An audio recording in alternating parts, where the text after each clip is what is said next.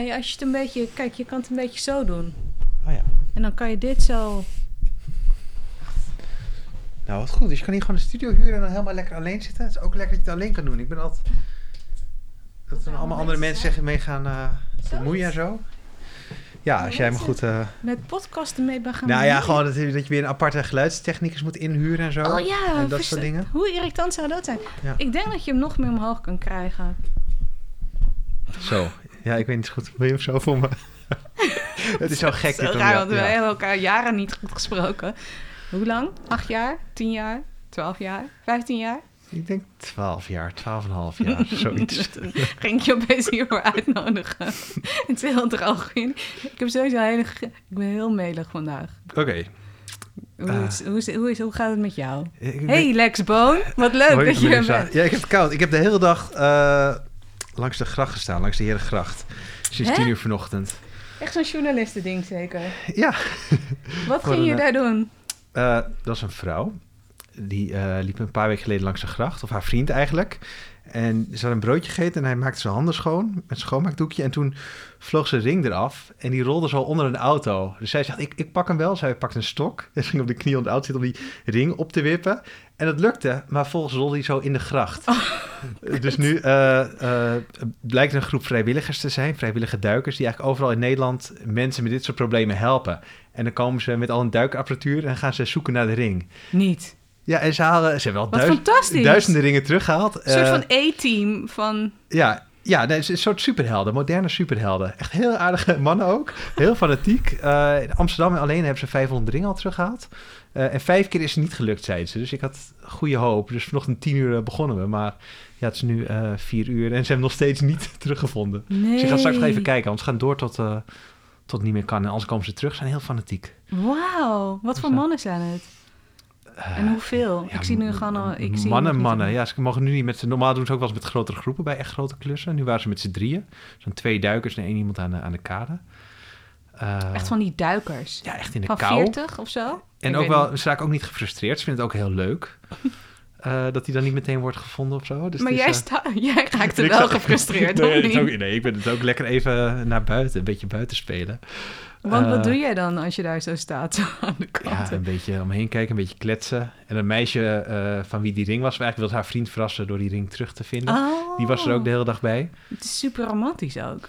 Iets. Ja, dus ik, ik dacht, oh, dit is lekker een beetje een feel-good verhaal. Je weet, ik hou een beetje van feel-good Ja. verhalen. Met een mooi happy end, maar dat, dat happy end kwam maar niet. Dus Oh, ik die- weet niet of het... eh, Ga je eh, nu morgen weer daar kijken?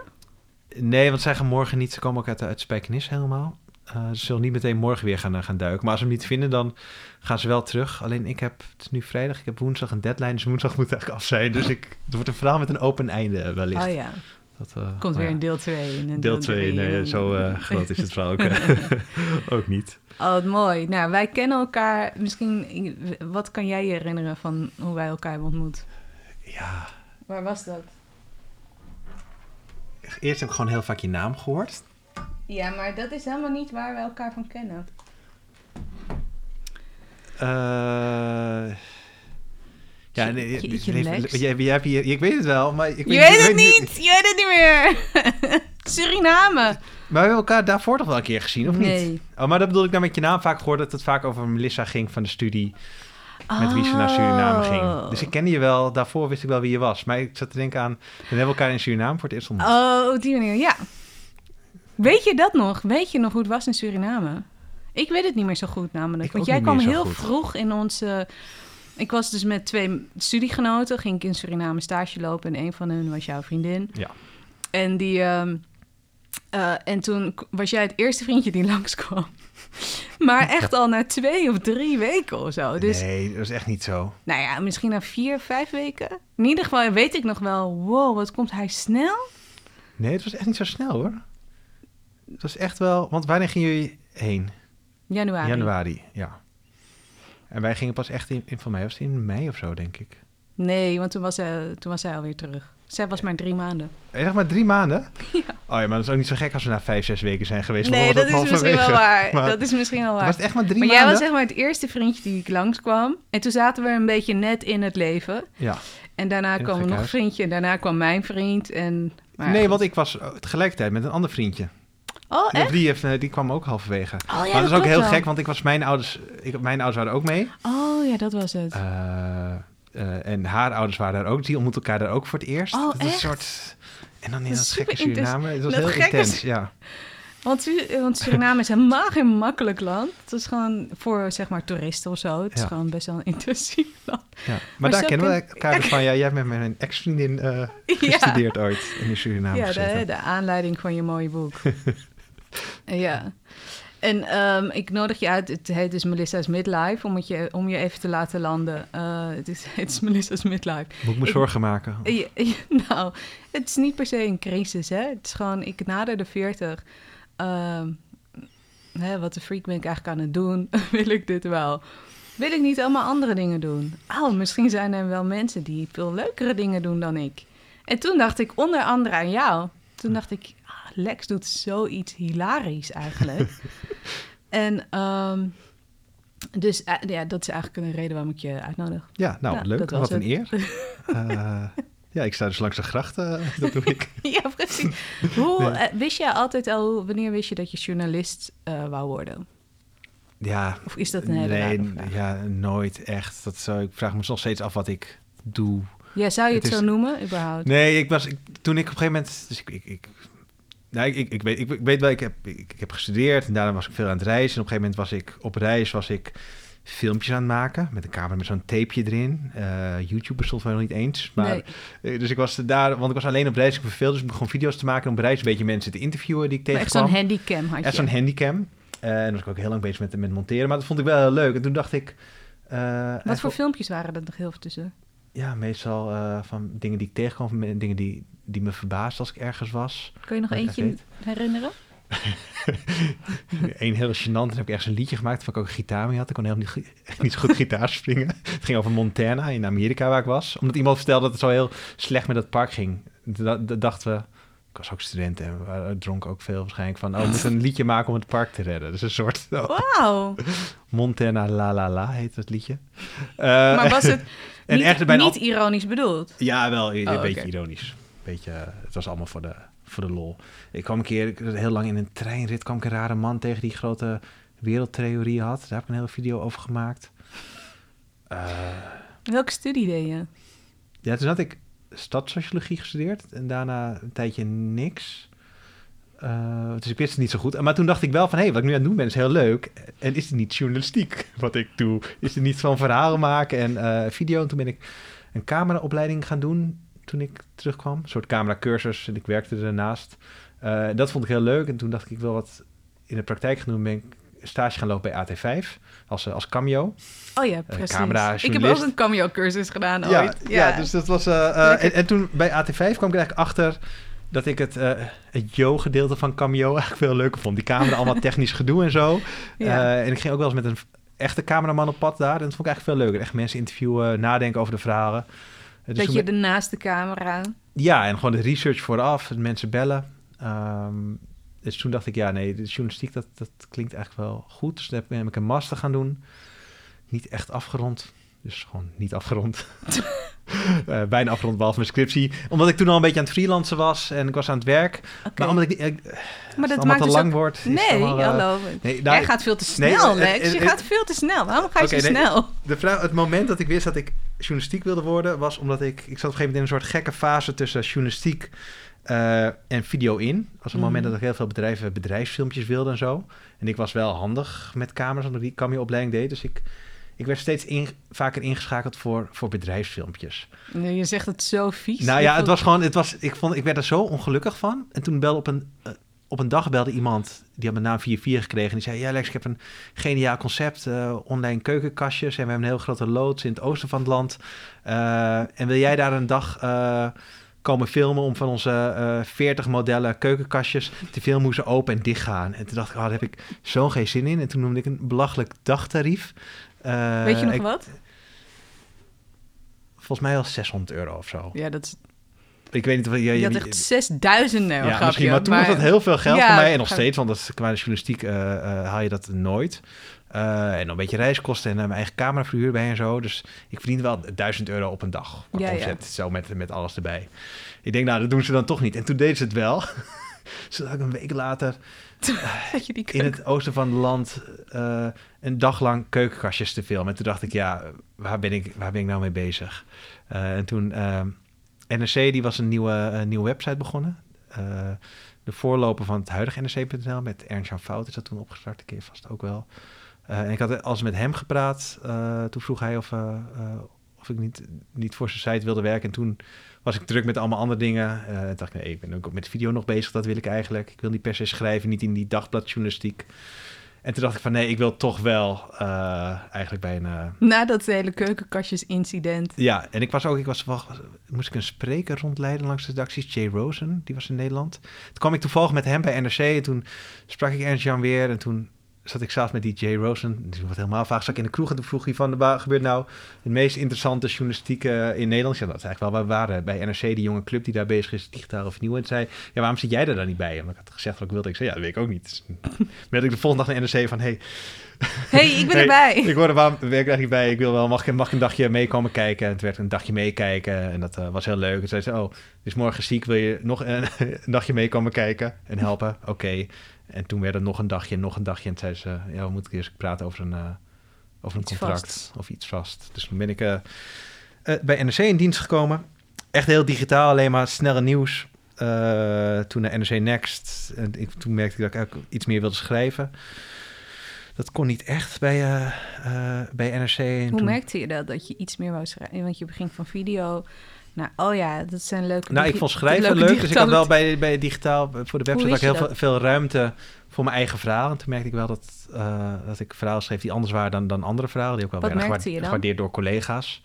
Of ik merkte dat ik daar veel lol uit haalde. Ja, maar dat was bijzonder, dat collega's het tof Nee, niet bijzonder, oh, of tenminste gewoon... Ik, ik, ik had er gewoon heel veel plezier uit. Zo is, uh, je vindt echt... het moeilijk, hè, om hierover te praten, Lex, of niet? Ja, maar het is ook allemaal zo lang geleden en het is ook allemaal zo... Wat klinkt allemaal zo random. Bijvoorbeeld een, echt een totaal willekeurig verhaal. ja. Dus we zaten op, bij die website gewoon op alle nieuwsdiensten. Iedere dag gebeurt wel wat in Nederland, wat opmerkelijks. En op een dag was ergens in Volendam... ik geloof niet dat ik dit ga vertellen, maar er was een, een caravan van Basje en Adriaan aangetroffen, uitgebrand. Of een soort caravan lookalike. En het was, ergens was het heel grappig. Ik weet niet meer wat er nou zo grappig was, maar het was een heel grappig bericht. Ik dacht, oh ja, dan wil ik er ook alles over weten. Dus ik de hele dag rondbellen met iedereen die er maar wat van wist. En uiteindelijk had ik gewoon dat hele verhaal rond. Inclusief Bassie en Adia gesproken, die in Spanje zaten. Niet waar. Die allemaal grappige quotes gaven. Dus dat was gewoon een heel grappig stukje. En dan denk je, oh, het is ook leuk binnen, binnen een halve dag werken en een beetje rondbellen. Uh, dan, ja, dan, dan stuit je op van alles wat mensen heel erg grappig of leuk vinden of waarderen. Dus het is wel een stukje humor die je zoekt. Ja, het moet wel een beetje vrolijk zijn. Dat, daar, ik moet er zelf blij van worden. En als je echt alleen op het nieuws zit, wat ik daar toen deed, is gewoon echt politiek en uh, economie of wat gebeurt. En op een gegeven moment heb je dat, als je dat twee, drie jaar hebt gedaan, het nieuws komt ook in een, in een cyclus. Dus dan denk je, oh, weer Prinsjesdag. Op een gegeven moment ben je daar wel klaar mee. Dus dan denk je, nou, wat wil ik... God, is nu weer wat, Prinsjesdag? Ja, wat wil ik doen? En dan zie je toch al die, eigenlijk die eigen verhalen, die, die vind ik... Uh, uh, die vind ik leuker. Toen kreeg, uh, kreeg ik ruimte bij NRC Next om daar te gaan werken. Toen kon ik al wat meer artikelen schrijven. En toen NRC Next werd eigenlijk opgegeven. Toen zou ik naar uh, Den Haag gaan om politiek, politiek te gaan doen. Dus niet per se iets voor mij, maar ik vond het juist wel grappig om dan, omdat ik er niet veel meer heb, dan daar toch te zijn. Maar toen moest ik uiteindelijk toch ook heel veel digitale klusjes gaan doen. Wat zijn digitale klusjes? Gewoon artikelen van iemand anders online zetten. Ja, dat was echt in de fase van dat journalistiek. Lex. Dat, dat, dat journalistiek uh, uh, van echt van de papieren krant ook naar die. Nu is het allemaal, is het allemaal één. Maar toen was het mm. nog een soort gekke tussenfase. Ik speelde een soort tussenrol moest ik spelen. En toen dacht ik, ja, heb ik eigenlijk geen, geen zin in. En mijn dochter was net geboren. dacht ik, ja, ga ik dan nu in Den Haag werken? Uh, veel avonddiensten. terwijl ik om iets te doen wat ik eigenlijk niet, niet wil. Ja. toen weet ik nog, nog heel goed uh, sleutelmoment. ik, was, ik, ik, was een afwas aan het doen. Uh, Moeten wij even in de microfoon praten? Oh, sorry, ik zit naar een plant te kijken. Is het een echte plant of een nepplant? Dat is een nepplant. Volgens mij. Uh, dus ik zat naar... ik ga heel recht. Kijk, zo. ik, zat, ik, was, ik was de afwas aan het doen. Ja. en ik dacht, ik, ik, ik, moet eigenlijk tegen NRC gaan zeggen dat ik niet naar Den Haag wil. Ik wist ook dat er geen andere plek was, want het was een, op dat moment voor me. Hmm. Uh, dus ik dacht, ja, ik moet ontslag nemen. Ja, ga ik dan freelancen? Kijk, ik heb hier net een, net een baby. Dan kan ik toch niet gaan, uh, gaan freelancen? Eh, maar ik dacht, ja, ik moet nu het komende half uur wel echt een beslissing nemen. Want ik moet volgende week in Den Haag beginnen. Dus ik moet wel iets gaan... Voor het eind van deze afwas? Moet het, eh, ja, moet het, moet het gebeurd zijn. Ja. En toen voelde ik zo in mijn linkerbroekzak mijn telefoon trillen. Ja. Dus ik denk, oh, even kijken wat het is. En toen zei uh, Judith Silversmit, wil je toevoegen, blinkt in. Ik denk, Judith Silversmit, die naam ken ik wel. En dat is de chef, nog steeds de geweldige chef van, van PS van de Week. het magazine van Parool. en ik zei optimistisch van, hé, hey, wij kennen elkaar toch niet? ik zeg, nee, maar zij was toen... Zij werd chef van PS, dus haar functie kwam vrij, een soort coördinator. en daarvoor zocht ze iemand en... ze wist wel dat bij NRC ook een beetje rommelde. En ik paste heel goed in het profiel. Ik had ook bij AT5 gewerkt en zo. Ja. Ik zei, ja, ik weet helemaal niet of je beschikbaar bent... maar misschien is het wat voor jou. En uh, parool, het Parool is echt mijn droomkrant. Oh was ja? Het altijd. Ik, ik, zag mezelf later altijd uh, stadsverslaggever worden voor het Parool. En dat kwam nu juist op het juiste moment kwam dat binnen. Dus een dag later zaten we koffie te drinken. Het was eigenlijk heel snel rond. Dus dan ben ik voor het Parool gaan werken. Waarom was het je droomkrant? Is het nog steeds je droomkrant? En... Ja, nou, ik, ik hou heel erg van, van, van de stad, van de dynamiek in de stad. Van al die verhalen die je continu gebeuren als je toen ik hier naartoe fietsen. Je ziet, je ziet van alles. Er wonen zoveel mensen die zoveel gekke, boeiende dingen doen. Het is zo'n enorme uh, dynamiek. Uh, en het Parool schrijft dat op een, altijd op een heel goede manier op. Uh, het is altijd een soort optimistische krant waar ik wel, wel van hou. Um, er is ruimte voor wat kleinere, gekkere verhalen, ook langere verhalen. Is, het hoeft niet allemaal zo zwaar of keurig te zijn. Dus het, het, sprak me altijd heel erg aan. Ik, ik was een vervent paroollezer. Dus dat was fantastisch. Uh, dus ik heb daar een half jaar op die coördinerende rol gezeten. Kwam ik ook wel achter dat ik daar niet per se goed in ben. Uh, daar kwam ze bij de krant ook wel achter. Dus zei ze, Lex, wil je niet gewoon schrijven? Dus toen werd, was ik opeens verslaggever. Uh, dus toen ben ik drie jaar in dienst geweest bij het Parool. Uh, wat, uh, uh, ja, wat, wat fantastisch was. Heel veel verhalen kunnen maken en ook een beetje mijn eigen stijl kunnen ontwikkelen, omdat je heel veel, veel ruimte hebt. Maar toen kwam ik wel op een punt, het is een heel kleine redactie. Ze maken ook Hoe zes... klein is heel klein?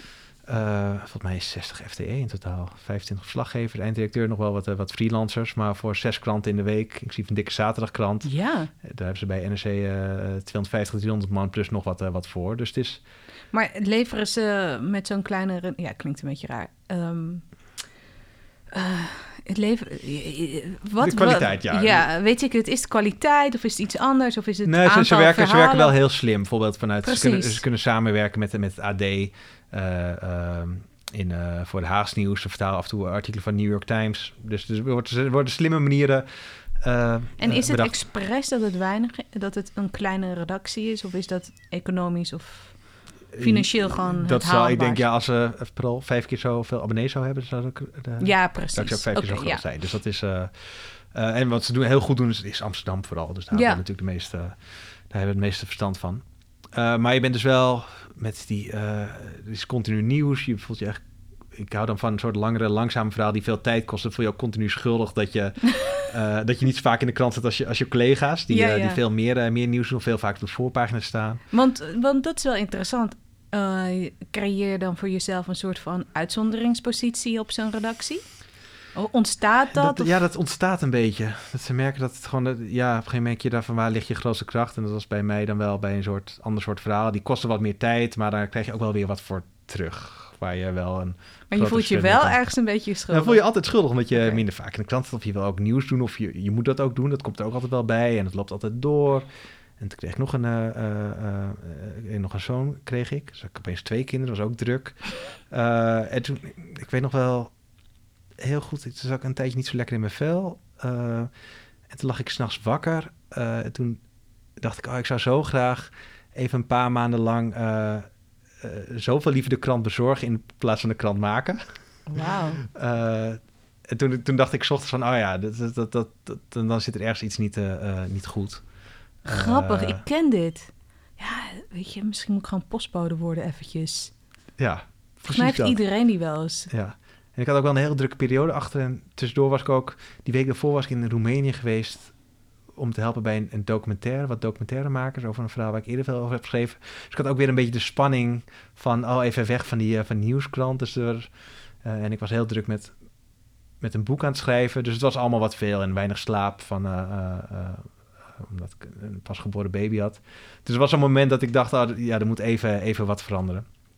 En toen ben ik gaan, gaan freelancen. was echt wel... Was dat een spannende keuze? Nee, omdat het was... Ik, ik, kon gewoon echt even niet... Ik was gewoon echt een beetje overwerkt. Dus ik heb uh, uh, twee weken gewoon even rustig aangedaan, thuis gezeten. Maar eigenlijk op die eerste dag, die eerste ochtend nadat ik wakker, na zo'n nacht wakker liggen en met die gedachte van oh, wel liefde krant bezorgen. Toen ben ik met mijn vriendin een lange wandeling gaan maken. Van wat is het? En ik, we waren eigenlijk meteen achter van ja, ik wil gewoon freelance, ik wil meer vrijheid hebben. Dus dat, dat wist ik al. En dan moet je er even over praten of wel redden we dat wel, want het is ook onzeker in de, in, in de journalistiek. Maar het voelde wel heel snel als de, de juiste keuze. Dus ik heb best wel makkelijk de knoop doorgehakt. Uh, en ook omdat ik. Uh, dus ik ben niet met, met ruzie of onvrede weggaan bij het parool. Ik ben er zelfs nog heel vaak en ik spreek in. Dus ik schrijf nog heel veel voor het parool. Dus ik ben daar gewoon freelance voor gaan schrijven. Ja. Wat ook heel goed past bij het soort verhaal dat ik, dat ik maak. Ja. Uh, dus. Uh, dus sindsdien ben ik freelancer. Oké, okay, nou dankjewel. Ja, alsjeblieft. Nou, doei! dus ja. ben, sindsdien... Nee, dus je bent journalist. Ik ben journalist. Oh ja, en, dus ik heb ook een boek geschreven. En uh, dus nu denk ik ook, nou, misschien ben ik toch meer schrijver ook. Ik wil nog een ander boek schrijven, dat is ook wel heel leuk. En omdat ik nu echt wel echt heel weinig nieuws doe... voel ik me niet meer zo heel journalistachtig af en toe of zo. Ja. Dat is een beetje, dus ik, ja... Maar je bent maar wel, ik, je, ja, je ik ben wel journalist, omdat al mijn werk is journalistiek werk. Het is Ja. eh, tijd om de feiten. Het moet echt gebeurd zijn. En ik hoef geen, eh, geen ambitie om fictie te schrijven. Dus Nee? nee. nee. Echt helemaal niet. Nou, oké, misschien wel ooit. Toch het grote, grote roman? Jawel, Lex. Nee, nee, dat is echt, dat heb ik nooit, nooit gehad. Maar Ehm, het begint nu een beetje zo... Nou, dat komt een beetje door de, gewoon de, hele lo- het de lockdown-periode. Dat ik, eh, eh, en toen kwam vorig jaar nog een kindje bij, dus nu heb ik drie kinderen. Niet! Heb jij drie kinderen? Ja, dus dan ben ik, en dan met die lockdown ben ik heel veel aan huis gekluisterd. En mijn, voor mijn werk moet ik altijd een beetje avonturen beleven. Zo'n dag als vandaag langs de gracht, dat vind ik één groot avontuur. Van, Ja. nou, er gebeurt wat en je begint soms met een, eh, eh, met een missie. En eh, eh, dan hoop je, dan, dan ontstaat er wat en dat, dat levert het, het verhaal op. En als je dan zo weinig meemaakt, eh, gewoon heel druk, eh, dr- druk met de kinderen en eh, normaal geen dit soort gesprekken, heel weinig met vrienden of in cafés. Ja, weinig prikkels. ja, de- dus dan begin je wel eens te... en ook iets meer tijd om te lezen of luisterboeken te luisteren. Dan denk je, oh ja, misschien is fictie... Kan het toch wel een keer of zo. Het is ook wel weer... Tuurlijk. het lijkt me ook wel... eh, nou ja, maar niet dat ik daar een soort concrete ambitie heb. Nee, maar dat hoeft ook Ja. niet. Ken je AJ Jacobs? Wel eens van gehoord? Dat is een hilarische... Het doet me heel, doet me heel erg aan jou denken aan andersom. Dat is zo'n journalist in Amerika die dan bijvoorbeeld een jaar lang precies leeft zoals de Bijbel het heeft voorgeschreven. Dus dan ziet hij mensen op straat tongen en dan gaat hij hele kleine kiezelsteentjes naar ze gooien. Echt? Want die moet hij dan stenigen. Maar, maar, hij, maar hij durft niet echt te stenen. Dus dan gaat Nee, hij ja, hele kleine kiezelsteentjes. Ehm, Ja. Hij laat zijn paard staan. eh, echt, maar dat zijn vrouw vindt het verschrikkelijk. Zeg Het is maar. wel Die- echt een heel goed idee. Het is, ja, het is, ja. dat soort dingen doet hij. eh het is AJ Jacobs. Ik denk dat Ik je dat me- ik zat nog te denken op, eh, hilarisch gaat vinden. Nee, ik heb er nooit van gehoord. Ik moest denken aan AC Slater.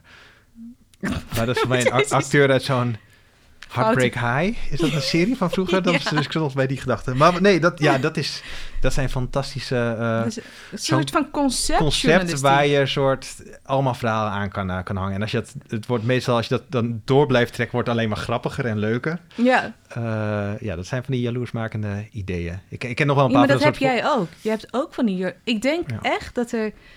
Ik denk echt net zoals bij hem journalisten zijn die denken... Shit, oh ja, nee, dat is leuk. Ja.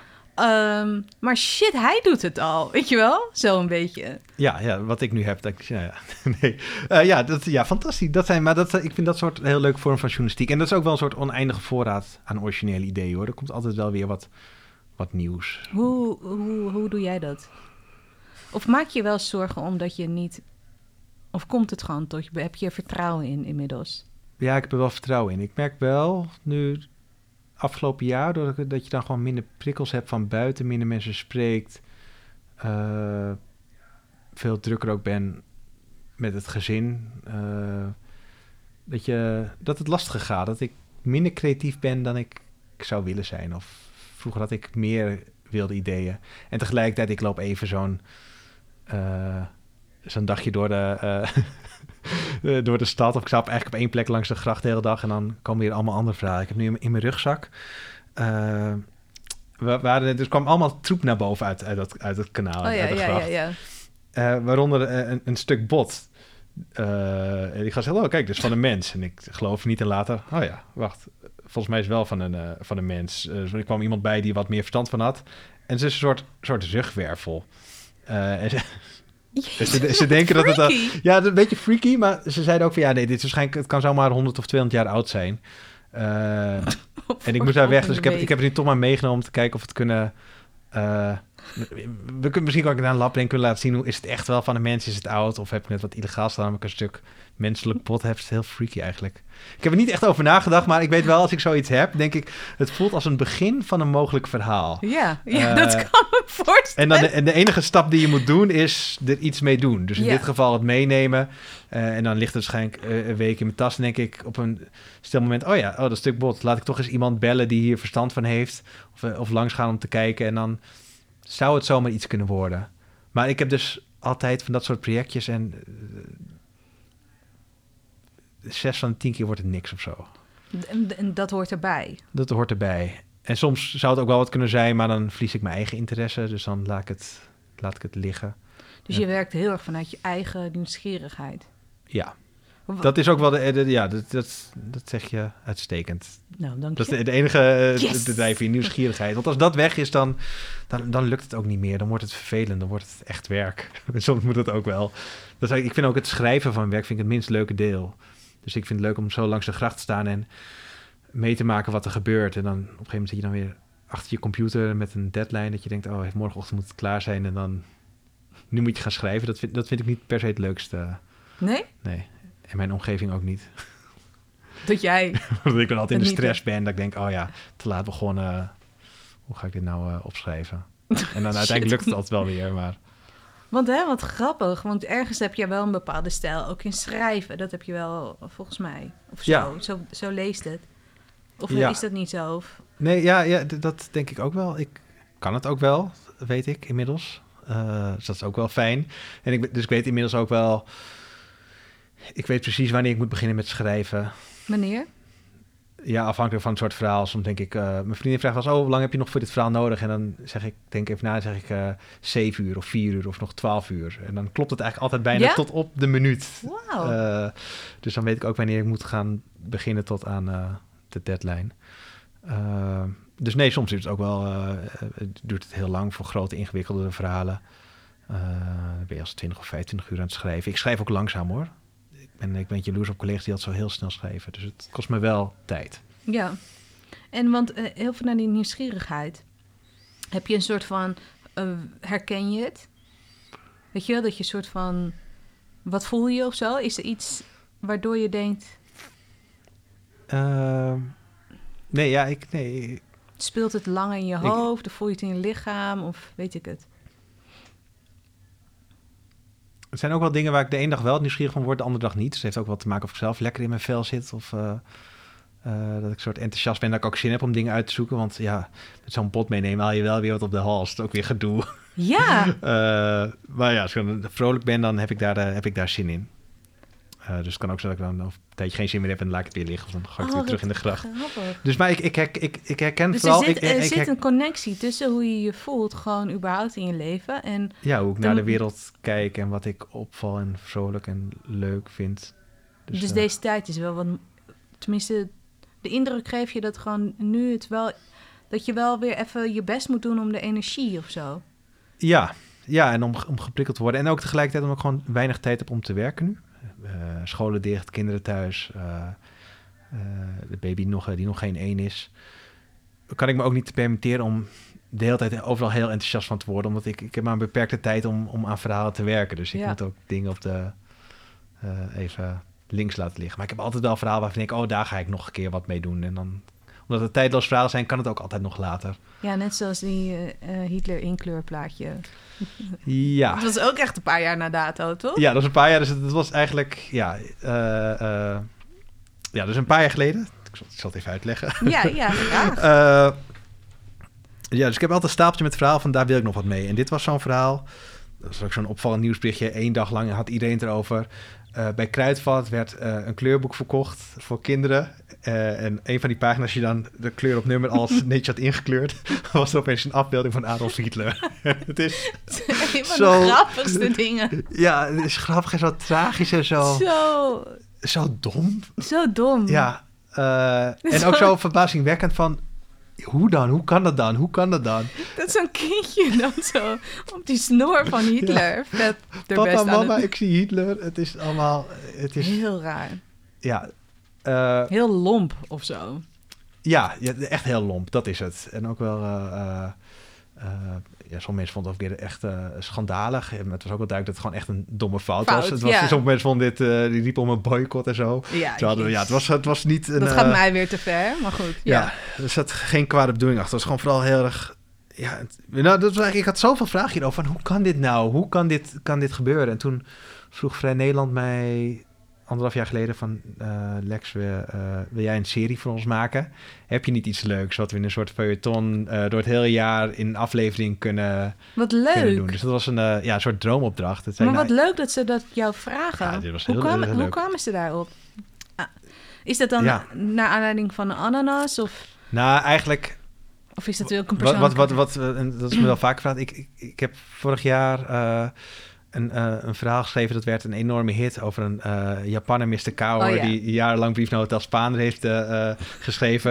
Het was een, een echt mysterie. Dus dat kreeg al jarenlang brieven. Iedere keer dezelfde boodschap. Nou, dan ben ik gaan, gaan uitzoeken. waardoor we uiteindelijk ook naar Japan zijn geweest... en Mr. Kauer hebben gevonden. En dat het was een, een van mijn leukste verhalen die ik ooit heb, heb gemaakt. En, Hoe was het om hem te ontmoeten? Ja, heel. werd- Die ontmoeting werd een groot onderdeel van het verhaal. Dus heel gek natuurlijk. Ik zat opeens. Allemaal, allemaal karakters haakten aan bij het verhaal. En uiteindelijk gingen we met z'n allen naar Japan. Een hoteldirecteur, een naamgenoot. nee, zijn jullie met z'n eh, allen? Kunstschilder. een soort, eh, en die hoteldirecteur had ook zijn broertje mee, dus ook mee. Zaten met z'n allen in dat huis van, van Mr. Kauer, die eigenlijk niet, niet wilde. Dus voor ons ook helemaal niet op ons gemak. Dat is natuurlijk heel raar. En eigenlijk de enige vraag die we hadden van, ja, waarom schrijft hij die brief? En dat hij niet echt een, een antwoord op. Dus totaal... eh, totaal een heel grote muur. Waren zo dichtbij en ook nog zo ver weg. Wauw. Eh, maar ja, dat, dat verhaal werd een, eh, werd een groot succes. Ja, Wat ik heb nog nooit een verhaal geschreven waar ik zoveel reacties op heb gekregen. En nog steeds krijg ik nog wel eens mailtjes daar, daarover. Dus dat is, ja. dat ik is heel leuk. een geniaal verhaal. Echt. Maar daarna kreeg ik dus allemaal andere tijdschriften. En, Wij willen en dit mensen- ook. hey, doe ons ook zo'n verhaal. Doe ons ook zo'n verhaal. Dit was natuurlijk een soort uniek, toevallig Ja. verhaal dat dit zo, zo liep. Eh, maar toen bij Vrij Nederland, eh, nou, die, die vonden dat leuk. Die zeiden van, heb je, heb je niet nog meer van dat soort ideeën, projecten die misschien wel iets kunnen, kunnen worden? Dus ik- had een lijstje gestuurd, waaronder dit verhaal. En dit vonden zij eigenlijk meteen heel grappig. Daar was ik zelf op dat moment ook wel enthousiast over. Dus zij zeiden eigenlijk van, ja, eh, ga het maar uitzoeken. Je, hebt, je mag tien verhalen maken. Oh, kijk maar hoe ver je komt. Er is budget om naar India te gaan. Ik wist op dat moment wel dat er een deel zit. Dat was geproduceerd in India, dus dat ik misschien daar naartoe moest, moest gaan. Eh, en het, normaal, wat je, het, het spannende hiervan, dat was ook een beetje een soort experiment. En dat vond ik wel leuk. Normaal maak je natuurlijk een verhaal, een researcher. Dan weet je helemaal van, nou, nu heb ik het. En dan ga je schrijven. En dit was, eh, het begon met aflevering 1, terwijl ik in mijn research zat. Oh, Eh, dus ik- die werd gepubliceerd als ik werd gepubliceerd terwijl ik aan het schrijven en het onderzoeken was. Oh, wow. Dus dat maakt het voor mij heel leuk, om heel spannend. Omdat je gewoon, ja, ik, ik wist niet waar dit verhaal naartoe zou, eh, zou gaan. Maar ik had wel iedere maand een deadline om iets te, iets te leveren. Ja, ja. Want ik was, ik zit ehm, echt irritant. Want ik was het gisteren helemaal aan het afluisteren. Mhm. En toen stopte het bij aflevering 5. Omdat, Oh, je hebt de ingesproken versies geluisterd, ja. ja, Ja. die wou ik afluisteren. En Ja. toen was het in één keer, ja, je moet lid worden voor, Oh, voor de volgende delen. Freaking sneako's. Oh, of ik heb het Ja. niet kunnen... Nee, nee, nee. Nee, maar volgens mij is het op een gegeven moment online. Corona niet meer ingesproken. Klopt, ja, het is niet Eh, meer dat kan ingesproken. ook. Er zijn wel allemaal... Maar Dat ze verschenen dus in het papieren magazine, wel iedere ja. maand. Dus ik had wel iedere maand een deadline. En het idee was dan van tevoren, tien- afleveringen, eh, flinke verhaal, het wordt wel lastig. Maar dan weet je van, oh, ik kan, kan een aflevering over de geschiedenis van Kruidvat doen. De grootste winkelketen van het land wordt Ja. zelden een verhaal over geschreven. Wat is de Dat is daarvan? al bizar. Dus dat was al, al heel leuk. En dacht ik, nou, dan ga ik naar, eh, naar India. Er zitten ook wel twee afleveringen in, dus dan, nou, dan kom ik er, kom ik er wel. Ja, Eh, Ja, toen was natuurlijk de, de toen uitbraak kwam- van COVID, dus ik kon niet op reis, ik kon nergens afspreken. En Corona! ik had wel iedere keer een, eh, eh, een deadline. Dus dat vonden mensen ook heel grappig in die serie. Dan zie je mij worstelen met gewoon de zoektocht naar de basis. Wat nu? Hoe gaan we hier weer een draai aan geven? Ja, Eh, en uiteindelijk is het toch weer gelukt door de, de hele geschiedenis van de handelsgeschiedenis tussen Nederland en India erbij te halen. Als je daarin duikt, is het toch ook weer een interessant verhaal. Dus mijn Ja. theorie is eigenlijk, overal zit wel een verhaal in. Dus als je Nou ja, maar vind dat- je, ja, vind je, bent vind je er wel wat. jij Dus, bent echt het bewijs dat je echt overal een verhaal in kan vinden. ja, Maar jij kan dat. Dat is wel jouw talent. ja, ja, nou, dank je. Eh, Alsjeblieft. eh, Hier is de prize. oh nee, jammer. Ja, ik heb geen dus- prize. Ja, dus uiteindelijk kon ik niet naar, eh, naar India zelfs. Maar toen heb ik nog... eh, en op een gegeven moment moest ik echt wat hebben. Toen heb ik een journalist in India ingehuurd... die voor mij naar het Ah. bedrijf is geweest. Slim. Eh met weer een heel verhaal over... Ga je nu het einde verklappen? Nee, niet helemaal. Oké, jammer. Een beetje. Nee, ja, ik weet eigenlijk niet wat... eh, ja, het is gewoon een soort Nee, totale... mensen moeten het lezen. ja, je, je kan het allemaal, allemaal lezen. Maar ik heb wel een India journalist eh, ingehuurd. Die is op zoek gaan naar, naar, naar antwoorden. En die is, uiteindelijk heeft hij de mensen gesproken die er verantwoordelijk voor, eh, voor is. Alleen, eh, hij was totaal undercover geweest en zo. Zonder dat mij te vertellen. Dus ik, ik wist op een gegeven moment ook niet meer... kan ik hem nou vertrouwen of niet? Wat is echt, wat is niet? nee. Ik kon zijn werk niet, eh, niet checken. Eh, Dus het gaat in was alleen keer maar ook over miscommunicatie. journalistiek. Dus dat, dan, ik denk, ah, dan heb ik hier weer een hele aflevering over de journalistieke mores. Van ja, wat is nou waar of niet? En heb ik nou die mensen daar opgezadeld met een soort maniak die ik achter aan heb gestuurd. Eh, omdat ze mij maar niet te woord wilden, wilden staan. Eh, maar het is allemaal goed gekomen. Dus dat was ook wel een soort. Ik, was, ik ben ook wel blij dat die serie is afgerond. Want ik zat wel iedere maand tegenaan te kijken. Ik denk, oh, ik heb over twee weken weer een deadline voor dat verhaal. En ja, ik kan nergens heen. Wat moet ik doen? En dan Oh, komt grappig. toch altijd weer wat. Denk je niet? Want nu, je hebt nu eh, ananas gedaan, waar we het nog niet over hebben gehad. Waar ik, nog- waar ik nog wel een vraagje gewoon... Nee, ik ben gewoon, ik wil alleen maar zeggen dat ik gewoon zo jaloers ben dat je zo'n mooi excuus had om gewoon de hele wereld over te vliegen. Ja, ja dat was eh, ja, fantastisch excuus. Ja. Oh ja, daar heb ik wel een super pragmatische vraag over. Hoe kwam je aan het geld om dat, geld, om dat te doen? Want het leest alsof je straatarm was in het begin. Ja, ik was ook, eh, ook straatarm. Dat is natuurlijk echt eh, student. Eh, nee, ik heb er ook wel zeven jaar over gedaan. Dus Oh ja. ik, ik heb het ook zonder financiering gedaan. Dus de, het begin van het verhaal is onze gemeenschappelijke kennis. Mijn ex-vriendin. Geen kwaad, echt geen kwaad woord erover. Ze Ja. vond het ook echt... weet niet of ze het leuk vond, dat boek. Eh, maar ze heeft er niks... eh, ze heeft wel mijn gang laten gaan. Dus ja, dat was wel... eh, ik voelde wel een soort, soort van steun. Ja. Eh, en eh, ik hoop ook dat ze het wel leuk vindt, want ik heb niks. ze is- ik ben heel. eh, Ik ga het even vragen tijd. een keer, ja? vraag. Spreek je er nog wel eens? Nee, nooit. Nee, het was heel. Maar, maar het- ja, gewoon het verhaal begint met haar. ja. Vlak voordat zij het met mij uitmaakte, toen gaf ze me een ananasplant. En ik had Ja. heel veel liefdesverdriet. En toen ben ik als een, een soort Als maniak, mijn liefdesverdriet, ben ik op die plant gaan projecteren. En toen dacht ik, ah, ik wil gewoon alles weten van die ananas nu. Gewoon iedere keer als ik aan haar denk, dan ga ik in plaats van mijn energie in treuren stop, ga ik mijn energie stoppen in meer te weten te komen over die, die ananas. Ja, En dat en liep- dat, want dat is wel, toen ik dat las, dacht ik, dat is iets heel lekkers. Het is net zoiets als die, eh, dat je eventjes eh, de post gaat wegbrengen. Dus dat je gewoon iets heel simpels eh, pakt. Ja. Van, oh, ik zit echt in een beetje een moeilijke fase van mijn leven. Waar heb ik houvast? Ja, Toch? En ja, dan- dat, was dit soort. Dat was dit. Een, een bliksemafleider voor, voor mijn liefdesverdriet. En dat was ook wel, jij, jij noemde net die eh, A.J. Jackson. AJ Jacobs. A.J. Jacobs, die eh, dus eh, de Bijbel omarmde en zegt, nou, ik ga dat gebruiken. Ik wist wel meteen van, nou, dit, dit kan wel iets zijn. Een soort kapstokje waar ik verhaal aan kan, kan ophangen en waar ik, waar ik aan kan reizen. Mooie tropische plekken. Dus toen ben ik eigenlijk zes, zeven jaar tijd een soort die ananas achterna gereisd. Dus wat ik, wat ik deed was mijn vakanties koppelen aan ananasbestemmingen. Dus dan ging ik op vakantie Ja. en dan ging ik wel. Dus dan was het een beetje vakantie en een beetje, beetje werk. Eh, ik moest een keer naar een Heel fijn dat Costa Rica een van de grootste leveranciers Ja, ik wist, ik had natuurlijk gekeken waar de ananas groeide. Allemaal tropische plekken, allemaal plekken waar ik wilde zijn. Hawaii. Eh, maar en ik zag, ik heb me van het voorgenomen, ik noemde het altijd mijn hobbyprojectje. Eh, en hobby's kosten nu eenmaal geld, dus daarmee kon ik mezelf verkopen dat het een Ja, enorm duur eh, project was wat me heel veel geld kost, maar wat me ook wel veel energie iedere keer bracht en waar ik wel veel plezier in had, zoals een hobby eh Betaamd. betaamt. Zeg je dat zo Eh, mooi? Ja. ja. Nou, Eh, dat is... ja, ja. dus, dat, dat, dus het, het, was geen project, het ging niet om geld. Dus het heeft me, eh, het heeft me echt heel veel geld gekost, ja. Ik heb er niks mee verdiend. Nee, Nee. heel fijn. Ja, dat Ja. klinkt een beetje raar hoor, dat ik dit zo even zeg. Nee, maar dit, is eigenlijk, dit kost mij ook eh, geld. Niet zo heel veel nog, tot nu toe. Maar ik vind het super leuk. Ja, toch? Dus dat dan- zijn toch eigenlijk de leukste... Ik noemde het heel cheesy. Mijn passieproject. Ja, het is een heel cheesy woord. Ja, maar dat zijn wel de leukste projecten. En Ja. ik ben ervan overtuigd dat het altijd wel wat meer oplevert. En zeker nou, in mijn geval van Ja. Ananas kreeg natuurlijk heel veel aandacht. werd goed verkocht. Dus dan ben je opeens die jongen van dat, eh, dat boek dat wel een succes wordt. Dus daar kwamen weer nieuwe klussen uit voort. ja. Mijn geen uitgever was blij. Dus mijn uitgever die wil ook andere eh, boeken van me uitbrengen. Verdient het wat, boeken? Eh, Even terugrekenen. Nee, nou, in, ja, in, in- wel als je er veel verkoopt. Eh, van ananas eh, zijn er eh 5000 van verkocht. En dan krijg ik denk, voor de eerste 4000 krijg je dan 10% van de verkoopprijs, dus 1,80 euro per boek. Nou ja, dus ik, eh, eh, maar dan heb je nog een voorschot, dat krijg je weer terug. Dus het verdient, eh, ik denk dat ik aan ananas misschien een paar duizend euro heb overgehouden. 3 of Oh ja. 4000 euro.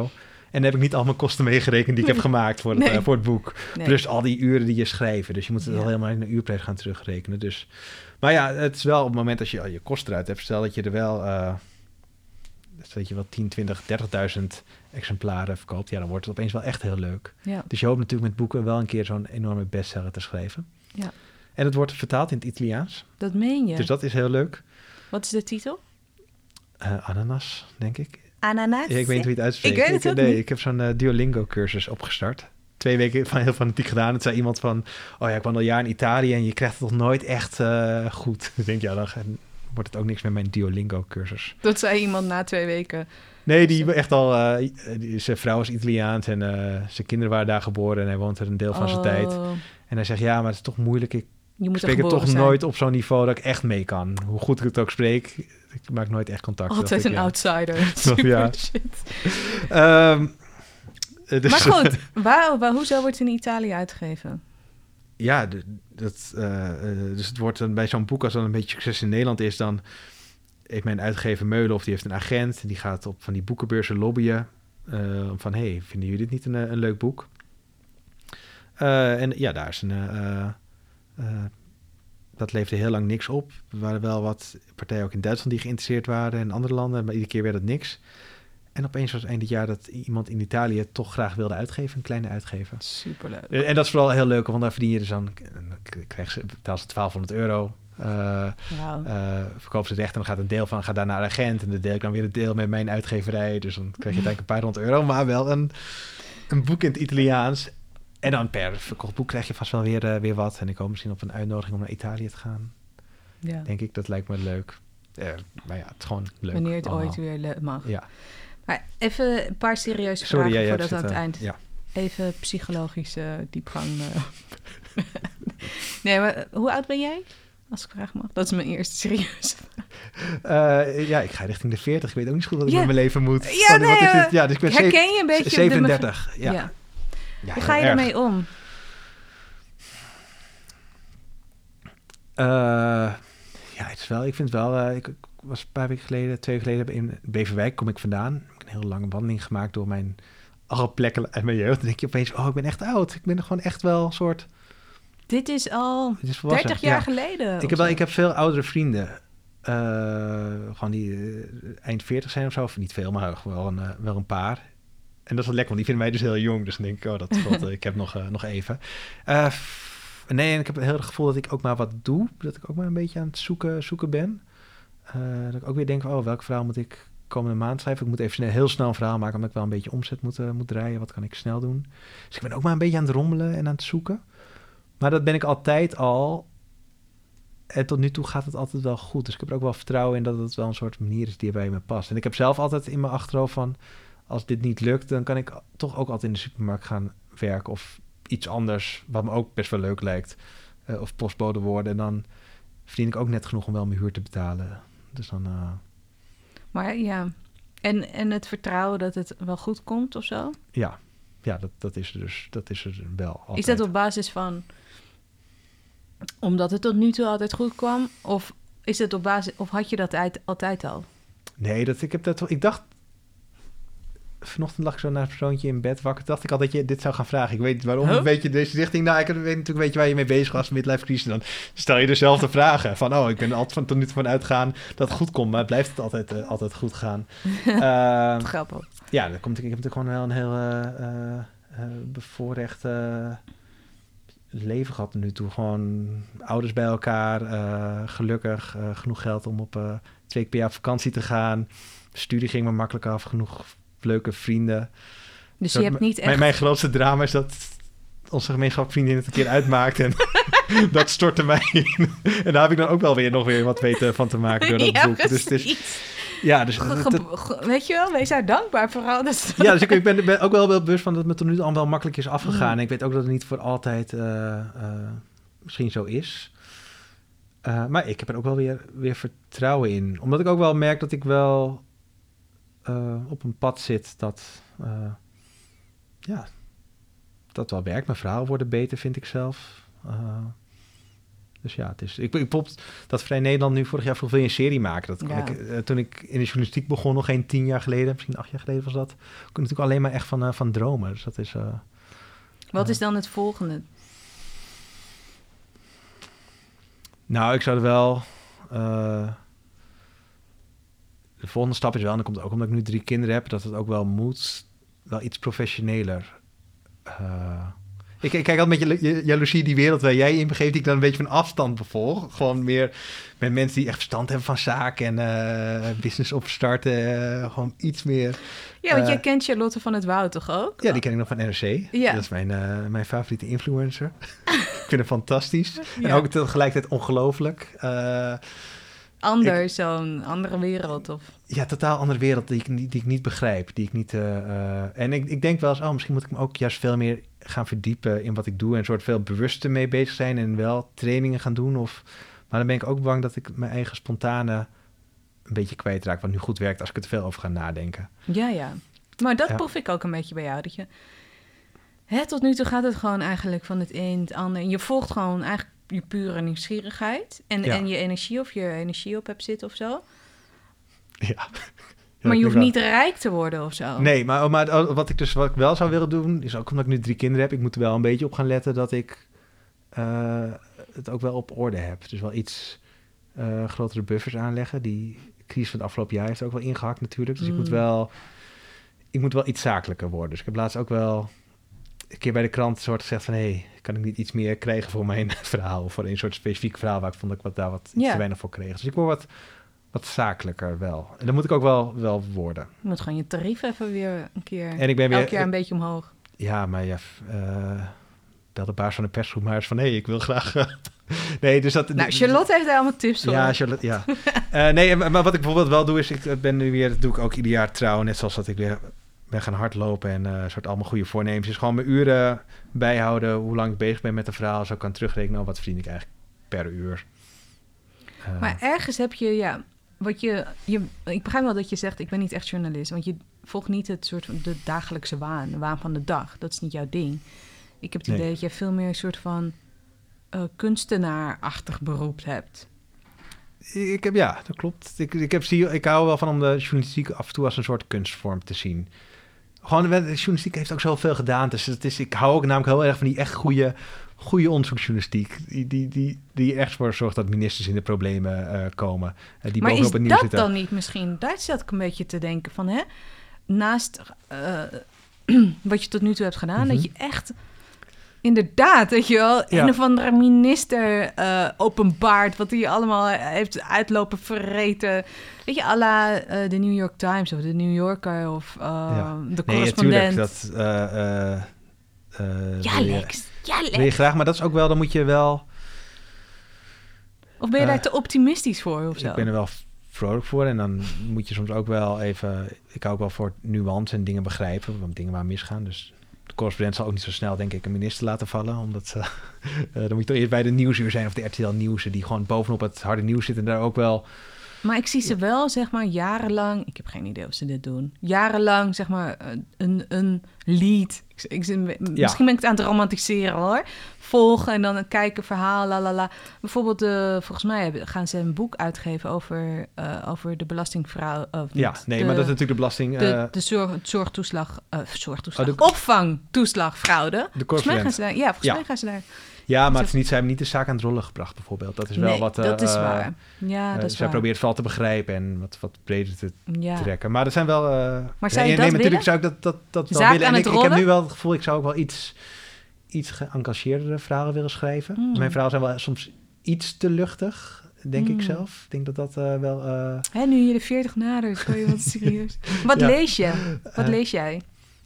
Eh, lees je? Nou ja, dus ook sinds 1 januari weer goede voornemens. Eh dan moet ik denk ik moet er gewoon weer meer tijd voor maken. Eh, en dan komt er een andere goede voornemen als hardlopen. Nu kan ik luisterboek combineren met hardlopen. Dus Oh, dat gaat, gaat nu goed. Wat luister je? Dus ik ben meer fictie gaan luisteren. Ik denk dat is, dat is fijn. Dus ik heb Wij zijn licht van Gerrit Blees. Vond ik heel erg goed. Ik heb gisteren het boek uitgelezen van Andreas Jonkers. eh, vader worden als je nooit een vader hebt gehad. Mm. Wat ik eh, heel boeiend vond. Eh, Pieter van Os, zijn boek ligt op zijn stapel. Wat volgens Marcel van Roosmalen, waarvan ik sowieso een groot fan ben, het beste oorlogsboek ooit is. En ik ken Pieter wel een beetje, dus moet ook wel heel goed zijn. Oh, wat vet. Dus nee, ik, ik, ik probeer weer meer te lezen. en te schrijven? Eh, ja, als ik daar tijd voor heb, maar dat merk ik nu. Dus ik ben bezig met een nieuw boek wel. Ehm, over. eh, eh, ik volg de, de zaak over de, de, de Van Gogh die vorig jaar gestolen is in Singelaren. Ja. Daar ben ik die middag naartoe gereden.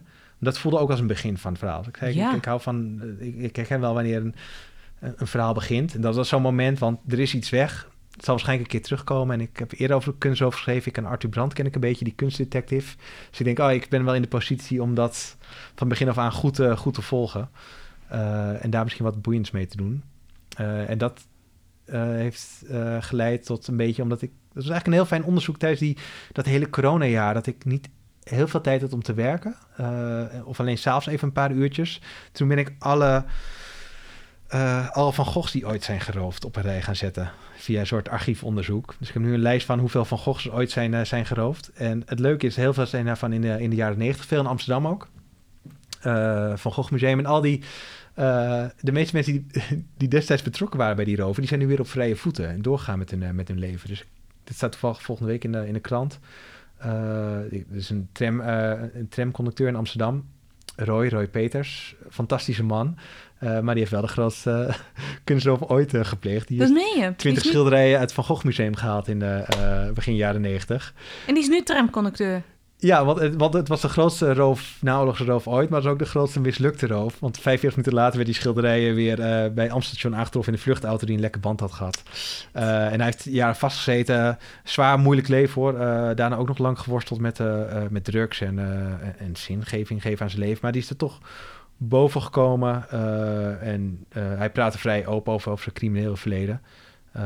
En die, probeert het ook wel te verklaren, maar die heeft zijn leven wel echt hij, hij is eruit gekomen. Terwijl een van die andere jongens die met hem die roof heeft gedaan, die is eh, echt de drugshandel in, ingegaan en die is vermoord op gruwelijke wijze. Dus het zijn soort twee. Dus dat is dan. Dus do- door dat Van Gogh, dat is ook niet. Dus je pakt één zo'n concept, zo'n al Van Gogh roof, en daardoor stuit je allemaal op dit soort bijzondere verhalen van mensen die je gewoon kan bellen en ontmoeten. En dan leven dat nu, leven dat af en toe stukjes op voor de krant. Dus dit verhaal maak ik dan voor Welke de krant. krant? Parool. Ja, oh ja, oké. Eh, eh, veel. tuurlijk, En dan... eh, en uiteindelijk moet dat eigenlijk een, een boek worden, ook als die andere van Gogh hopelijk terug is. Dus dat volg ik nog steeds met een soort Jij, gek. maar dat is het. Dus ik- je, je, ik- bent, je bent niet... Je, het is heel grappig, want je, misschien kijk je dan naar Charlotte van het Woud of. Van, nou, van, ah, maar jij bent... Gaat Charlotte Kom- ook luisteren? Luistert die dit? Nee, joh, nee? nou. Ik zal het daar specifiek doorsturen. Ehm, nee, eh, je bent ook commercieel. Maar dat je... Want een boek over eh, gestolen van Goghs... Dat is heel juicy. Nou, ja, je hebt me wel door, moet ik zeggen. Want dat is ook wel wat ik... eh, Dat dat- voel je klopt. ook. Ik dat voelde voel het een goed ook. begin van het verhaal. En ik was toen ook wel, net op dat moment was ik bezig van... ja, als ik nou een boek ga schrijven... en ik wil ook wel dat het... Toen behaalde ik eigenlijk dat Ananas nog niet vertaald was. Eh, denk, ja, wat, wat werkt nou misschien ook wel internationaal? En dan dacht ik, oh ja, van Gogh, dit is wel in kunsthoofd, het is spannend. Ik ben hier heel goed voorgesorteerd, omdat ik eigenlijk al betrokkenen ken en ik ken die, eh, ken die wereld goed. Dus nee, dat zie ik wel als een, een kansrijk verhaal. Niet alleen omdat het een goed verhaal is, maar ook omdat ik denk, ja, dit is wel een verhaal wat ik eh, kan verkopen. Dus op die manier ben ik ook wel commercieel. En ik heb altijd, maar ik heb, dus ik heb vijf of zes van dit soort projectjes, heb ik tegelijkertijd altijd een beetje op de achtergrond lopen, waar ik soms weken, maanden niet aan werk en dan opeens weer even de zin in krijg. Dus zo heb ik, uh, is een, Amsterdamse advocaat, die volg ik al een, al een paar jaar. Je moet niet alles weggeven, oh ja. Ik word zelf dan begin af denk ik word ik enthousiast van. Dus nog ineens. Nee, want hè? Ja, maar ik weet ook niet. Dus dat je is moet een- ook op je eigen dat is een verhaal waarvan ik weet, omdat nu voel ik me aangevallen, omdat je me commercieel noemt. Dat is een verhaal wat echt niet commercieel is, omdat ik echt geen idee heb waar het Commercieel naartoe is gaat. niet een vies woord. Eh, Het nee, is meer wat je zegt, ik- want het, het, is, het heeft iets ik, aantrekkelijks. maar ik, ik doe niet alle verhalen vanuit een soort dat ik denk, oh, dit gaat verkopen. Want over die advocaat Mm. denk ik, dat vind ik, ik weet eigenlijk niet meer waar dat, eh, wat, dat, wat er nou het verhaal is. Maar dan blijft maar doorgaan en denk ik, oh, het, het komt misschien wel iets, iets uit ooit. Maar daar heb je gewoon een soort van intuïtief gevoel van, hè, dit wil ik wel blijven volgen. Ja. En soms ook weer niet, als het een paar maanden weg en dan bel ik weer eens en dan ga ik weer eens langs. En dan, of er gebeurt weer wat. Ja, je, ja, ik vind het heel mooi. De manier van werken. We gaan, we gaan een beetje in de richting een afronding. Maar wat ik heel mooi vind is dat je... Ja, je bent heel intuïtief aan het werk. Dat zou Charlotte... Ik ga er even terug Charlotte. ik kan hilarisch. Charlotte noemt het intuïtief ondernemen. Nee, maar dat is dus ook wat je doet. Je bent, heel, je bent wel intuïtief bezig. In, Eh, in combinatie met je eigen intrinsieke nieuwsgierigheid, in, eh, maar ook doorzetten. Weet je, dat je toch maar even vasthoudt. Ja, het is ook wel gewoon werk af en toe. Soms moet je even van, oh, nu moet ik even, Door. even doorpakken. En ik, ik weet dus ook wel op het moment dat ik soms bij een verhaal zit en denk, oh, ik merk dat het einde ko- komt in zicht. Dan ga ik het ergens pitchen, bijvoorbeeld bij, bij een krant of een tijdschrift. Want dan Ja. weet ik, dan krijg ik een deadline en dan moet ik het opeens doen. Dan heb ik Ja. even dat extra duwtje nodig. Ja. Ja. ja, grappig. En dat het hoe je je thuis voelt, bewijs van, of hoe je je lekker voelt. ja, en of ik tijd heb. Zoals nu heb ik gewoon echt heel weinig tijd om, eh, om te werken. Maar het is ook heel leuk Kan je met kinderen. Ja, kan je daar goed bij stil leggen? Hoe zeg je dat? Kan je je goed bij neerleggen, bedoel ik? Eh, nee, ja, het, klinkt ook of je per se moet neerleggen. Zo, ik heb er natuurlijk voor gekozen om, zeker om drie kinderen te krijgen. En dan weet je dat dat eh, veel tijd kost. En dat vind ik Maar ook heel leuk. Dus ik ben ook heel graag. Ja. dus heel Nee, soms is het is- wel ook- frustrerend dat ik dan eh, minder kan werken als ik soms zou, zou willen. Maar mijn baan is ook heel flexibel. Dus ik kan makkelijk opschalen om even in de avonduren te, te werken. En dan Ja. overdag weer veel minder te doen en meer naar de speeltuin te gaan. Ja. Dus het is, ja, het is misschien ook omdat ik het persoonlijk... Tuurlijk, het is gewoon heel leuk. Maar soms moet ik me er wel echt bewust van vandaag... Oh ja, nee, ik dacht dat ik dat en dat ging doen. Nee, dat ga ik niet doen. Oh ja, nee, dat plannen maak ik al lang niet meer. Dat is echt... eh, ja, je hebt er geen, drie, eh, ik heb er ja. maar één. Ja. Eh, maar ja, dat is toch ook wel dus of je de, de, de midlife, denk ik, ook wel weer. Oh ja, nu die kinderen er zijn, dan maakt het ook allemaal niet zoveel uit. Dan, dan komt het allemaal wel goed. Want je weet wat je moet doen de komende jaren, toch? ja. Nee, wat dan? Ja, voor de kind zorgen. Oh ja, shit. en een beetje voor jezelf proberen te zorgen als het nog lukt ernaast. Ja. Eh, Nee, ja, ik begrijp, je hebt niet meer een soort van... Ik heb niet meer, dat herken ik wel, een soort van extern doel nodig of zo. eh, want die is er gewoon in huis aan het kruipen. Ja, toch? Ja. Een soort tien jaar geleden had je wel een idee van, oh, Ja, wacht, ik wil oh, dit. Of ik ja. kijk tegen die mensen op. Of ik wil dat veld vind ik interessant. En nu... Ja. Maar ik heb wel zoiets van... Ja, ik na de 40, ik weet eigenlijk... Nu ik een kind heb, heb ik wel zoiets van... Oké, nou, die is check. Oké, wat, wat zou ik zelf eens een keer gaan doen? Dat is het misschien een beetje bij mij. Ja, ja. Ja, je hoeft geen advies te geven, hoor. Maar- Nee, ik heb ook geen, geen Oh, advies. dacht- Maar is het echt zo, is het niet zo, je, je weet toch wel een beetje wat je wil, dat is het meer. Nee, echt niet. Want ik vind nu dit gewoon heel erg leuk. Ja, Maar hier verdien ik, hier, dit kost me geld. ja. Eh, ik ben nu les aan het geven. Dat kost me eigenlijk ook geld. Dat, daar verdien ik zo extreem weinig aan. Dat slaat helemaal nergens op. ja maar het is toch Ehm. leuk dat je dat, dat bent gaan doen, toch? Ja, het is heel leuk. Ja. Het is heel leuk. Eh, dus ik ben na twaalf jaar, zeg maar, de laatste, een van de laatste keren was in Suriname dat ik les gaf. Daarna ook nog wel een paar jaar. Maar na twaalf jaar ben ik weer les gegeven. Middelbare Ja. school, nu tijdelijk. Ehm, maar ja, ik heb wel wat ideeën. Maar dat zit dus in het bedrijfsleven, hoe ik, wat ik super interessant vind. Ah, maar er zijn ook wel dingen waarvan ik denk... oh, ik had documentairemaakster willen worden. Of ik, eh, weet ik het, weet je wel? Dus er zijn ja, ook weer duizend en één opties. Maar dat kan je toch ook allemaal gaan doen, zo de komende jaren tussendoor. Het is ook niet zo dat het... Dat je 80 bent en op je sterfbed ligt. dat je denkt, oh, ik had dat nog nee, willen, ja, willen doen. precies. Ja, nee, dat is waar. Toch, vorig jaar wilde je waarschijnlijk een podcast maken en nu heb je een podcast Ja, met een goede titel. ja, dat is wel een prima titel, Ja, toch? goede titel, Oké, ja. chill. Erkenning, erkenning. Nee, ja, nee, is ook zo. Ik noem het mijn tussen-experimenteerjaar, maar het zou heel goed kunnen dat het echt vijf jaar gaat duren of zo. Ja.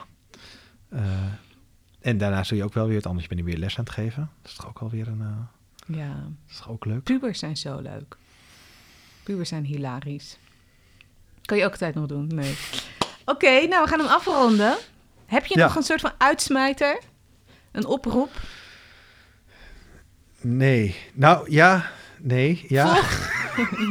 nee, weet je wat? Ik, ik keek gisteren even op je website. Oh ja?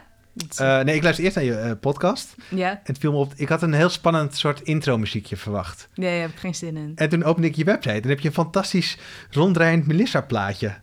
Ja, dat ja, ja. Ik dacht, ja, zo'n intro had ik ook bij de podcast verwacht. Ik denk, misschien komt wel een spannende outro. Nee, want dat ronddraaiende Melissa-plaatje kan je gewoon één keer installeren en dan blijft hij voor eeuwig ronddraaien. Hilarisch ding, hè? Ik vond het fantastisch, ja.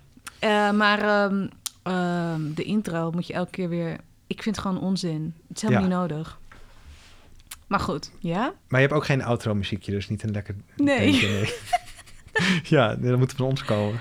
Eh, nee, ik ga, ik ga terug zo naar de grachten, kijken of ze de ring nog hebben gevonden. Ja.